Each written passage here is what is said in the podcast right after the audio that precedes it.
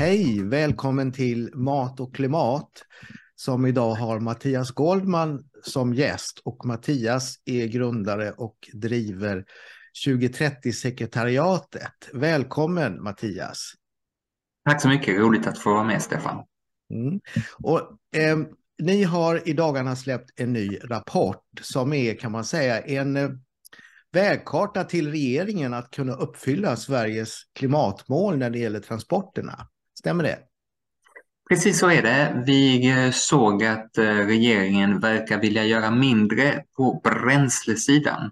Man vill ju sänka reduktionsplikten som du och jag pratade om tidigare och mindre på bilsidan. Man har tagit bort premien i stort sett över en natt för elbilarna. Och då menar vi bilen, bränslet, beteendet. Det behöver hända mer på beteendeskiftet.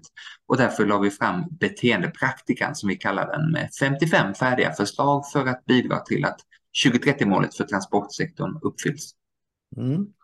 Jättespännande. Innan vi fortsätter så vill jag bara säga att ni som lyssnar på det här på, som podcast bara, ge oss gärna fem stjärnor om vi förtjänar det förstås. Och, eh, och eh, prenumerera gärna på Youtube-kanalen för den här läggs upp på två olika platser. Okej, okay. eh, för att återgå till 2030-målet, bara för att för, förklara för lyssnarna. Det finns alltså två mål, ett för hela ekonomin och ett för specifikt för transportsektorn. Precis så är det. Eh, sju av riksdagens åtta partier, alla utom Sverigedemokraterna, enades om det klimatpolitiska ramverket och de mål vi har. Där vi 2045 ska uppnå netto noll i svensk klimatpåverkan. Och redan 2030 ska klimatpåverkan ha minskat med 63 procent jämfört med 1990. Men vi har ett enda sektorsmål för transporterna, inte något för jordbruket eller utbildningen eller försvaret eller vad man nu kan tänka sig, bara transporterna. Och de ska minska sin klimatpåverkan 70 procent från 2010 till 2030. Så det är världens tuffaste och bredast förankrade mål på klimatområdet. Och eh, okej, okay.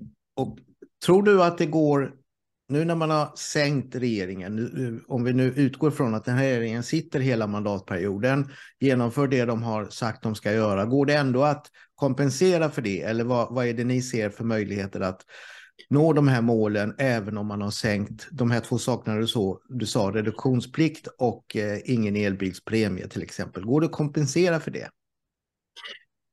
Det korta svaret är ja, det går, men det komplicerade svaret är att det blir väldigt tufft. Det såg vi också när Klimatpolitiska rådet la fram sin granskning av regeringens politik eh, häromdagen.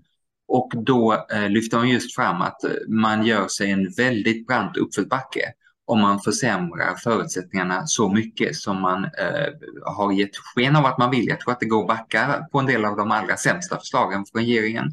Men vi är också glada att vi hör från klimatminister Pourmokhtari och från eh, energiminister Bush och från regeringen som helhet att 2030-målet gäller. Det är ju så här testballonger ibland från någon moderat politiker och SD vill ju inte heller att 2030-målet ska finnas. Men det politiska etablissemanget och regeringen som sådant och alla sju partier som stod för målet från början stod fortfarande för det. Och det är klart, gör man mindre på bilen och bränslet då måste man göra ganska mycket mer på beteendesidan. Men det fina med detta är att många av beteendeförslagen är sånt som vi egentligen gillar. Du och jag är nu uppkopplade framför varsin eh, dator och sparar både tid och pengar på att vara det istället för att sticka till det där fysiska mötet. Och väldigt många tycker att det är värdefullt att jobba distans. Många skulle också gärna ta emot en milersättning för att ta cykeln istället för att det bara är ersättning när man tar bilen. Och många tycker också att den där e-handeln till exempel med fri frakt, fria returer, det kan ju inte vara meningen att vi ska ha det på det sättet. Så många av förslagen på beteendesidan är antingen sånt som direkt gagnar oss och gagnar hushållsekonomin eller sånt som vi ändå tycker går väldigt logiskt att komma vidare med. Mm. Och ni gör då en uppdelning för att vara pedagogisk på, eh, som, i tre delar. Du kan berätta lite om det ja, men bilen, bränslet, beteendet tjatar vi in. Om, om seminariet så är på engelska, spanska eller på thai, då ska man lära sig de tre orden bilen, bränslet, beteendet. Och över tid menar vi att ungefär lika stor bör utsläppsminskningen vara. Och jag tror att den som har följt eh, klimatfrågan eller den som helt enkelt ställer sig vid en, eh, en, en, en eh, trafik korsning kommer att se att mycket av fokus har varit på bilen och bränslet. Det är eh, alla illustrerar klimatmålen med en ny elbil till exempel och vi diskuterar ju mycket reduktionsplikten fram och tillbaka. Och lite mindre har fokuset varit just på beteendesidan. Där har det hänt ganska lite. Och det beror nog delvis på att vi på 2030-sekretariatet ibland känner oss lite ensamma där. Alltså bränslet, där kan vi alla räkna upp en hel hög av bränsleaktörer och biltillverkare kan vi också alla räkna upp många och är glada att de nu driver på för elektrifiering och vi är glada att bränslebolagen inte vill sälja Putins fulbränslen utan de svenska finbränslena. Men på beteendesidan är det väldigt många som inte tycker att de har något med transportsektorn att göra. Det är fackförbunden som behöver driva på så att det är lättare att jobba distans. Det är Microsoft och alla de andra lösningarna som ska till. Det är alltså en mycket, mycket mer diffus samling aktörer som driver på. Ingen som riktigt har klivit fram och sagt att nu är det dags för beteendeskiftet förrän vi nu gjorde det med beteendepraktikan. Eh, jag tänkte gå igenom eh, det här med dig snabbt. Ja. De första sex punkterna av 55 är upprätta mål. Vi behöver inte ja. prata så mycket om dem, tänker jag nu, på en gång i alla fall. Sen har mm. du nästa beskattning av avdrag och där ligger då 7, 8, 9, 10, fem stycken olika förslag. Vad är det, om du sammanfattar dem snabbt? Men vi till exempel eh, tror att det är feltänkt av regeringen att frångå den överenskommelse med alla partier utom SD som träffades just före valet att vi ska ha ett färdmedelsneutralt bidrag istället för dagens reseavdrag som enbart gynnar att ta bilen. Och regeringen eh, rev upp det beslutet. Till och med så höjde man reseavdraget enbart för bensin och dieselbilar på elbilen och biogasbilens och andra fordons bekostnad och förstås på cykelns och kollektivtrafikens och distansarbetets bekostnad. Så det är ett sådant exempel där styrmedlen nästintill tvingar in oss i fossilbilen. Mm. Ehm, vi har också exempelvis ehm, eh, skattebefriad förmån av laddning på jobbet. Det är en liten sak, men ni har många små saker som var och en för sig. Och den där förmånen, Ja. Precis, och den förmånen är något regeringen har bestämt att om man laddar på jobbet då ska man inte behöva betala för den förmånen. Det är fine, men då menar vi att den som vill ta sig till jobbet på andra sätt, till exempel med bussen eller cykeln, bör också få någon förmån. Förmånsskattebefria kollektivtrafikkortet, förmånsskattebefria tjänstecyklarna. Ja, där har vi de viktigaste sakerna på beskattning och avdrag, mm. eller några av dem. Kollektivtrafik har ni en, en rad förslag också, totalt sett eh, åtta stycken, 9, 12 till 19, åtta stycken. Och eh, ja. eh, här finns då bland annat eh, sådana väldigt konkreta saker som alla, man bör göra hela landet. Prioritera kollektivtrafikkörfält mm. till exempel. Eh, tillåt inte korta flygresor när det gäller eh, offentliga sektorn och förmodligen också privata, men offentliga sektorn kan ju gå på ännu snabbare. Eh, skattebefria el till kollektivtrafik. Det finns väldigt mycket här som från en, en politiker egentligen bara kan ta tag i och, och skriva fram. Där säger du något väldigt viktigt Stefan. De flesta förslagen som vi lyfter är egentligen inte superoriginella utan det är sånt som redan har utretts och redan remissbehandlats.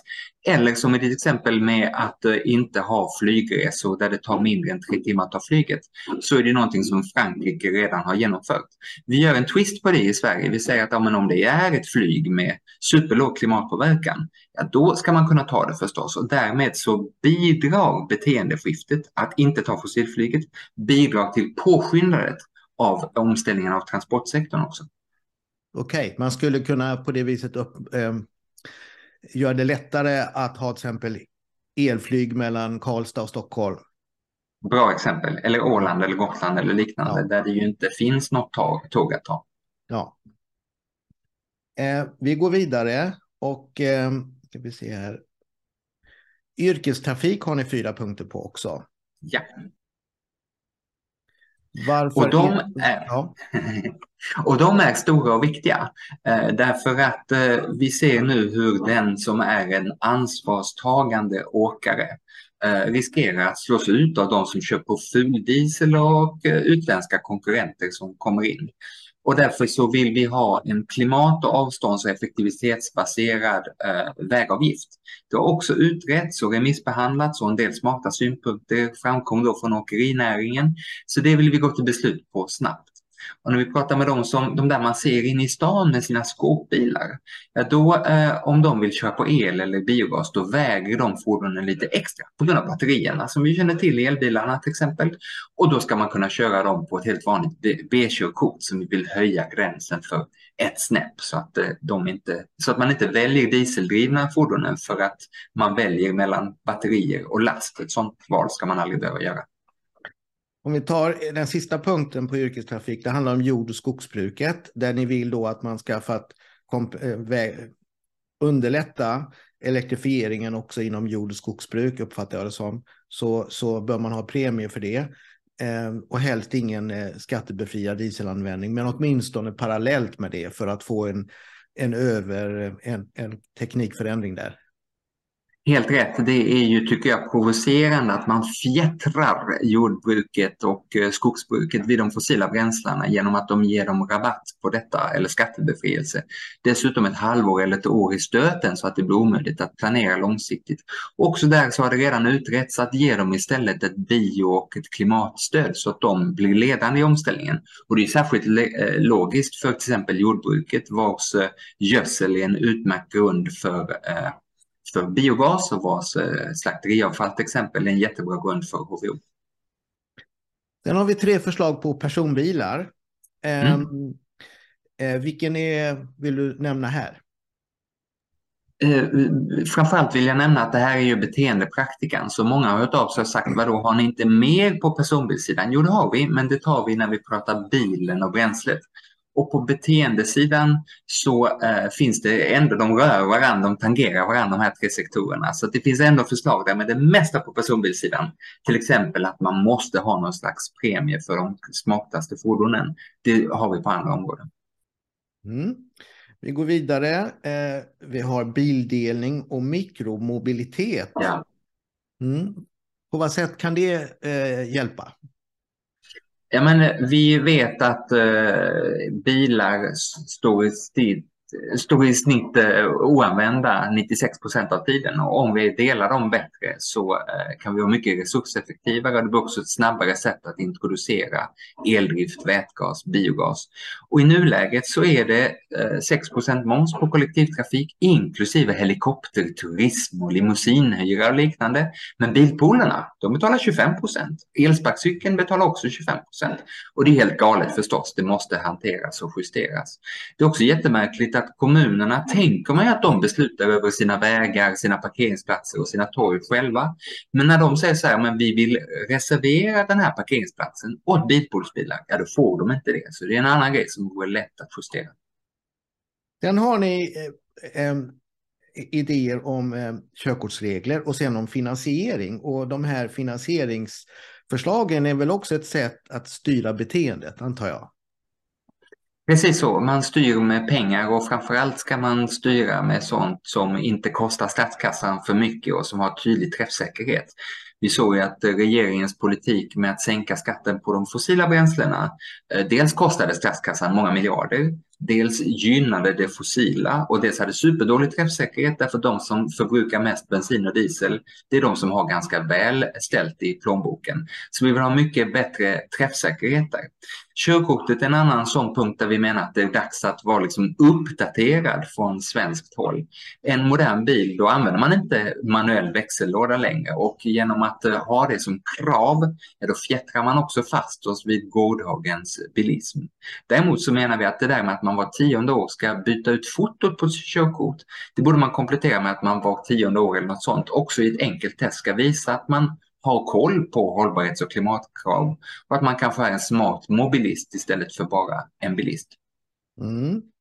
Sen ett område som jag tycker är väldigt intressant här. Ni, ni föreslår att man använder flygskatten som ett instrument att styra också.